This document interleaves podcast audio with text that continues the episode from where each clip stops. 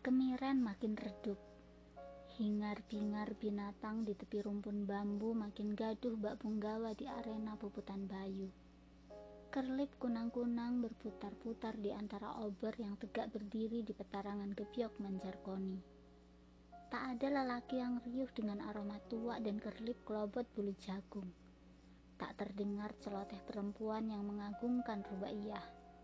Semua kembali bergumul dengan dingin yang berseloroh hingga dipan berderit. Riuh nafas dan gulir keringat melalui celah pori-pori begitu bersaing dengan desir angin yang menabrak dedaunan. Kalong terbang rendah seperti layang-layang mencari lawan.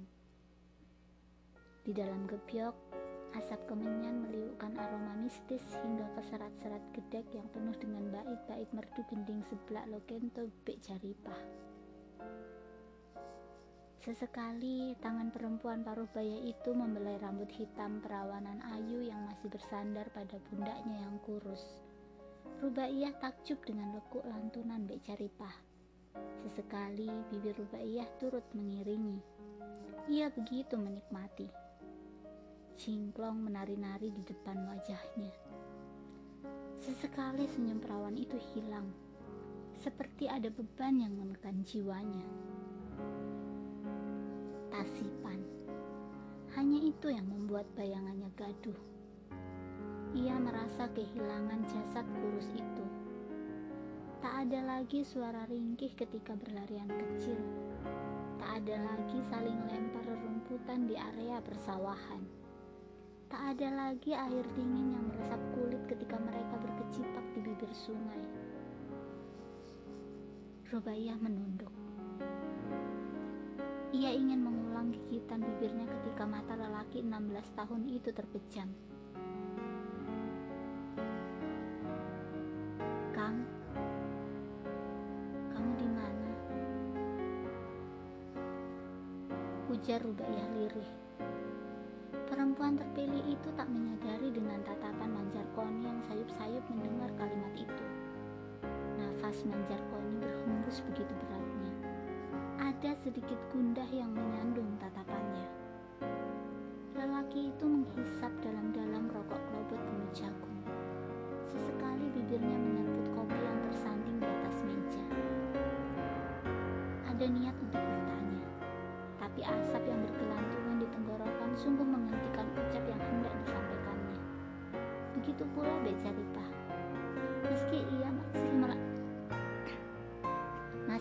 melantun sebelah lokento dengan hikmat. Namun gundah yang berseloroh pada jiwa Rubaiyah berangsur-angsur datang pada rasanya. Ia berusaha acuh dengan menelokkan lantunan lagu sedih itu. Bek Jaripah seperti duduk bersimpuh di atas pentas gandrung. Setelah lantunan gending penutup gandrung itu usai, tak ada suara berterbangan ke dalam genang telinga. Suasana mistis menyelimuti ketika manusia yang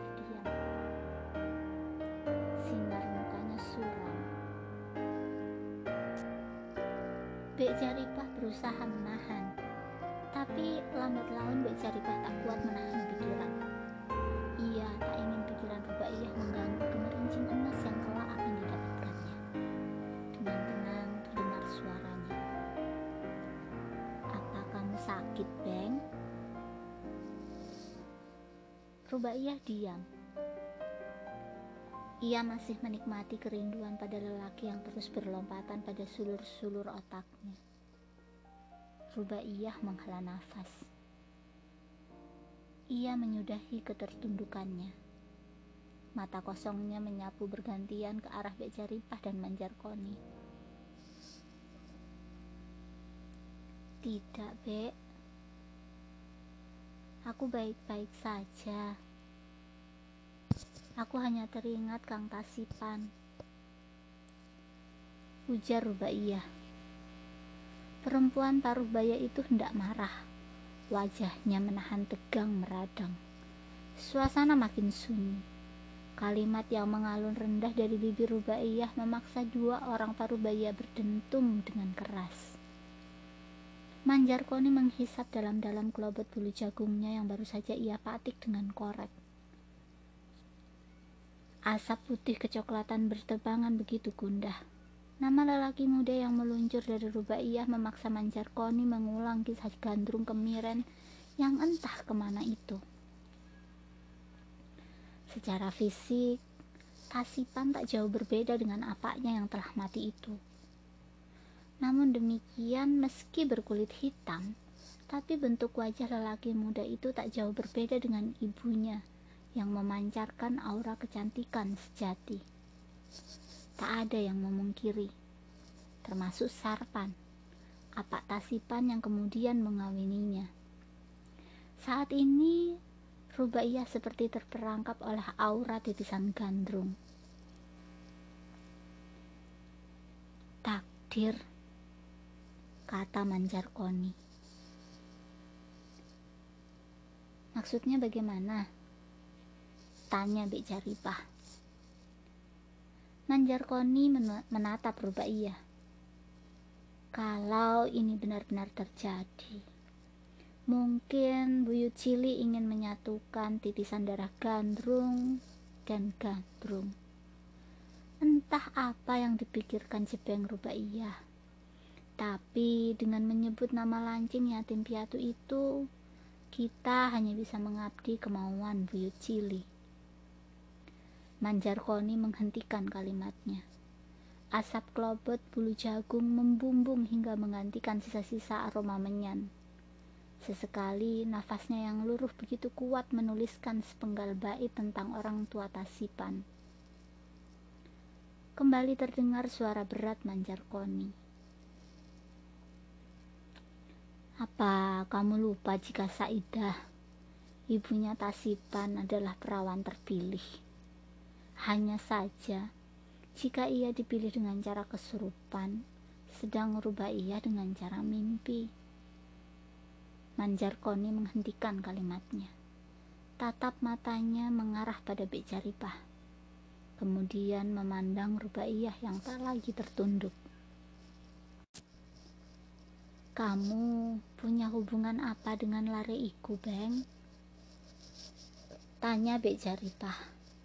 Ada sebongkah gusar yang mengayun dari kalimatnya yang lirih. Bagi semua orang, Gandrung Saida adalah kisah cantik yang pernah dimiliki Gemiran. Tubuhnya yang langsing namun padat, parasnya yang ayu, kulitnya yang putih bersih adalah nilai laris yang dimiliki Kemiran. Saat itu, setelah menjadi yang terpilih, hak asuh Saidah dipasrahkan kepada dukun Kemiran yang tak lain adalah mertuanya sendiri. Hampir lima tahun, Gandrung Saidah melanglang buana di atas pentas pertunjukan. Tak seperti dirinya yang tak sampai setahun. Bek Jaripah memang gandrung. Tapi penobatannya bukan karena pilihan Buyu Cili. Semua karena bertameng kepada Jarkoni muda. Tapi setelah petaka itu, Tak ada yang tahu keberadaan gandrung Saidah. Hanya jasad Sarpan yang tergeletak di pekuburan daerah Tanah Keramat. Lantas, apa Rubaiyah akan mengalami petaka itu? Tidak. Ujar Bek Saripah. Suaranya yang berbisik tak ia sadari jika tak lagi terucap melalui batinnya. Rubaiyah menatap Bek Jaripah. Kepalanya menggeleng membisu. Tak hanya Rubaiyah. Suara Bek Jaripah yang meluncur tanpa sadar itu merangsang Manjarkoni menghempaskan asap kelobot bulu jagungnya. Bek Jaripah memandang Rubaiyah dengan yang enggan berkedip. Ada riuh was-was yang begitu kuat mengalun melalui pesona mata Rubaiyah. Wajahnya memerah. Gemuruh nafasnya bergemuruh kuat dadanya naik turun. Tidak kenapa, Bek? Ujar suara Rubaiyah menghardik. Nadanya yang tak lagi indah bergetar agak tinggi. Ada butir embun tergelincir jatuh dari sudut matanya. Manjar Koni dan Bek Jaripah terkesima oleh sajian malam perempuan terpilih yang terpekur dengan gontai isaknya. Terdengar suara belu yang berseloroh datang dan pergi. Dengan lembut, punggung tangan Bek Jaripah menghapus air mata yang berlinang dari sudut perawan ayu itu. Sesekali terdengar deras, derai nafas Rubaiyah yang menghela. Bukan tentang kamu atau Tasipan, Beng, tapi tentang petaka kampung Kemiren waktu lalu. Ujar Bek Jaripah. Rubaiyah menatap. Gemuruh nafasnya berangsur-angsur normal. Jari lentiknya mengusap kelopak mata yang sembab. Kami tidak akan terlalu jauh mengurusi pilihanmu. Yang penting kamu harus sadar diri sebagai gandrung kemiren. Gandrung itu roh kemiren, bukan milik satu orang.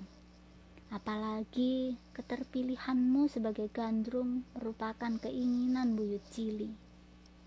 Sambung Manjar Koni.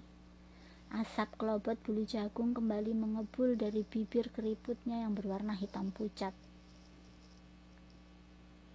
Kemiren makin redup. Bulan sabit malu-malu di balik gumpalan awan. Bintang-bintang berkedip tenang. Dingin makin menjamah tulang. Sesekali bara api di atas batang obor berkelebat ke sana kemari. Mengikuti hempasan angin Awan memang hitam, tapi tak ada hujan. Hanya embun nestapa yang mengitari hambaran tanah kampung Kemiren. Serangga-serangga malam terus berkecamuk dengan suaranya. Manjar Koni, Bek Jaripah, dan Rubaiyah masih diam meringkuk. Tak terdengar obrolan yang tersingkap. Semua masih menukik pada kalimat-kalimat kecil yang mengalir melalui aliran darah masing-masing. Manjar Koni mematik rodok, rokok klobot bulu jagungnya yang telah mati. Pipinya tampak mencekung keriput setelah menghisap kuat-kuat. Bara api mengerlip-ngerlip, asap beterbangan. Sudahlah, Beng. Yang penting kamu harus menenangkan jiwa dan badanmu. Besok adalah pintu masukmu ke dalam pertunjukan pentas. Malam ini adalah malam terakhirmu sebagai perawan kampung.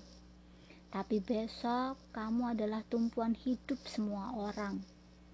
Ujar Manjar Koni. Wajah mereka bertabrakan. Tak ada kata yang dilontarkan perempuan itu. Ia hanya mengangguk anggun. Perasaan yang mengungkung jiwa Rubaiyah terpecah menjadi dua bagian. Sebagai yang terpilih dan tasipan. Ya, bayang-bayang lelaki kurus berkulit gelap itu tanpa lelah bergelantungan pada hembusan nafas Rubaiyah yang sepoi-sepoi. Sesekali mata cantik itu mengerling pilu. Kerinduan terhadap ringkih tawa tasipan meluluh lantahkan dadanya. Dari matanya yang sembab, ada segores harapan Rubaiyah untuk bertemu sebagai perempuan biasa. Kang Tasipan Ujarnya lirih. Air mata kembali berlinang. Manjar Koni dan Bek Caripah hanya melempar pandang. Nafasnya menghela bergantian Tabungan kata yang berseloroh pada benak mereka hanya membelit tenggorokan Sensitivitas rubaiyah membuat mereka menghela nafas. Tak ada ucap yang meluncur dari bibir mereka. Punggung tangan Bek Caripah mengusap air suci dari sudut mata itu. Sedang Manjar Koni hanya menatapnya. Lelaki itu bangkit dari tempat duduknya. Ia melangkah ke arah perasapan. Ia berjongkok Bibirnya yang masih menggapit kelobot bulu jagung ditiupkan ke arah sisa-sisa arang yang masih menampilkan bara. Tangannya meraih menyan madu dari dalam saku celana kolor yang ia kenakan. Mata manjar koni terpejam. Buyut cili, ujar manjar koni lirih. Kaki kanannya menghentak bumi tiga kali. Japa mantra melantun dari bibirnya yang tua. Asap menyan madu kembali menoreh hingga ke sudut ruangan. Aroma wangi mengundang suasana mistis. Beluk dan pentet di luar sana terpancing untuk menembang. Dua mata beda usia menatapnya dengan santun. Manjarkoni kembali melangkah ke tempat semula. Manjarkoni tersenyum. Buyut Cili telah menenangkan jiwa Rubaiyah yang menapak pada jalanan gundah gulana. Wangi menyan madu masih merangkak ke setiap ruangan. Di luar ruangan, tampak lelaki muda 16 tahun terus mengintip dari balik gedek. Sesekali ia menghela nafas. Anginnya menerobos masuk dari celah-celahnya. Obrolan ketiga manusia itu ia tangkap dengan jelas. Rindunya yang tersambut tampak berkecamuk hingga mencipta hawa dingin ke dalam tulang sumsum. -sum. Lelaki itu terus duduk jongkok. Kakinya ia biarkan menjejak tanah tanpa alas. Kudisnya memancing rombongan rengit berpesta pora Tak ada perlawanan. Lelaki itu hanya menghardik dengan tiupan angin yang rontok dari bibir pucatnya. Kepalanya menengadah. Ia memandang bintang yang menyelip di antara gulungan awan. Lelaki itu menggeserkan pijakan ke sisi rombongan belatung yang berkeloncatan pada bangkai tikus. Angin meniup. Rumpun-rumpun bambu dan daun pisang menggoyang-goyangkan pucuknya. Bintang berkelip putih kekuningan, persis kunang-kunang yang mengerjap-ngerjap. Kalong terbang rendah. Lelaki itu kembali melebarkan gedek yang rapuh. Tatapannya menabrak tangan Bek Jaripah yang mendekap Rubaiyah. Perawan terpilih itu masih saja terpekur bak Kamboja. Senyum Bek Jaripah mengembang ada bayang-bayang gemerincing emas berlarian di dalam benak perempuan parubaya itu. Pemuda itu menatap manjar koni yang terdiam. Rokok kelobot bulu jagung terhisap kuat-kuat. Asap mengepul demikian pekat. Terdengar tembang sekar jenang.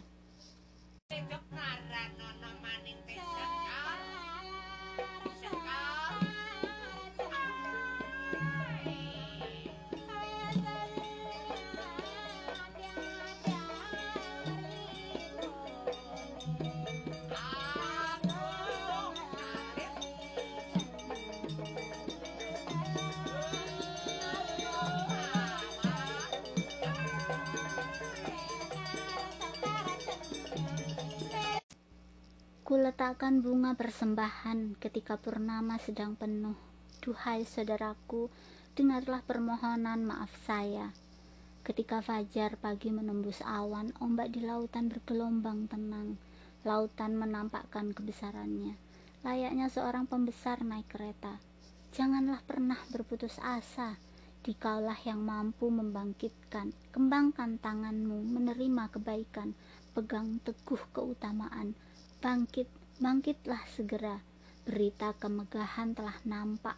Duhai saudaraku, bangkitlah. Kemakmuran adalah harapan kita.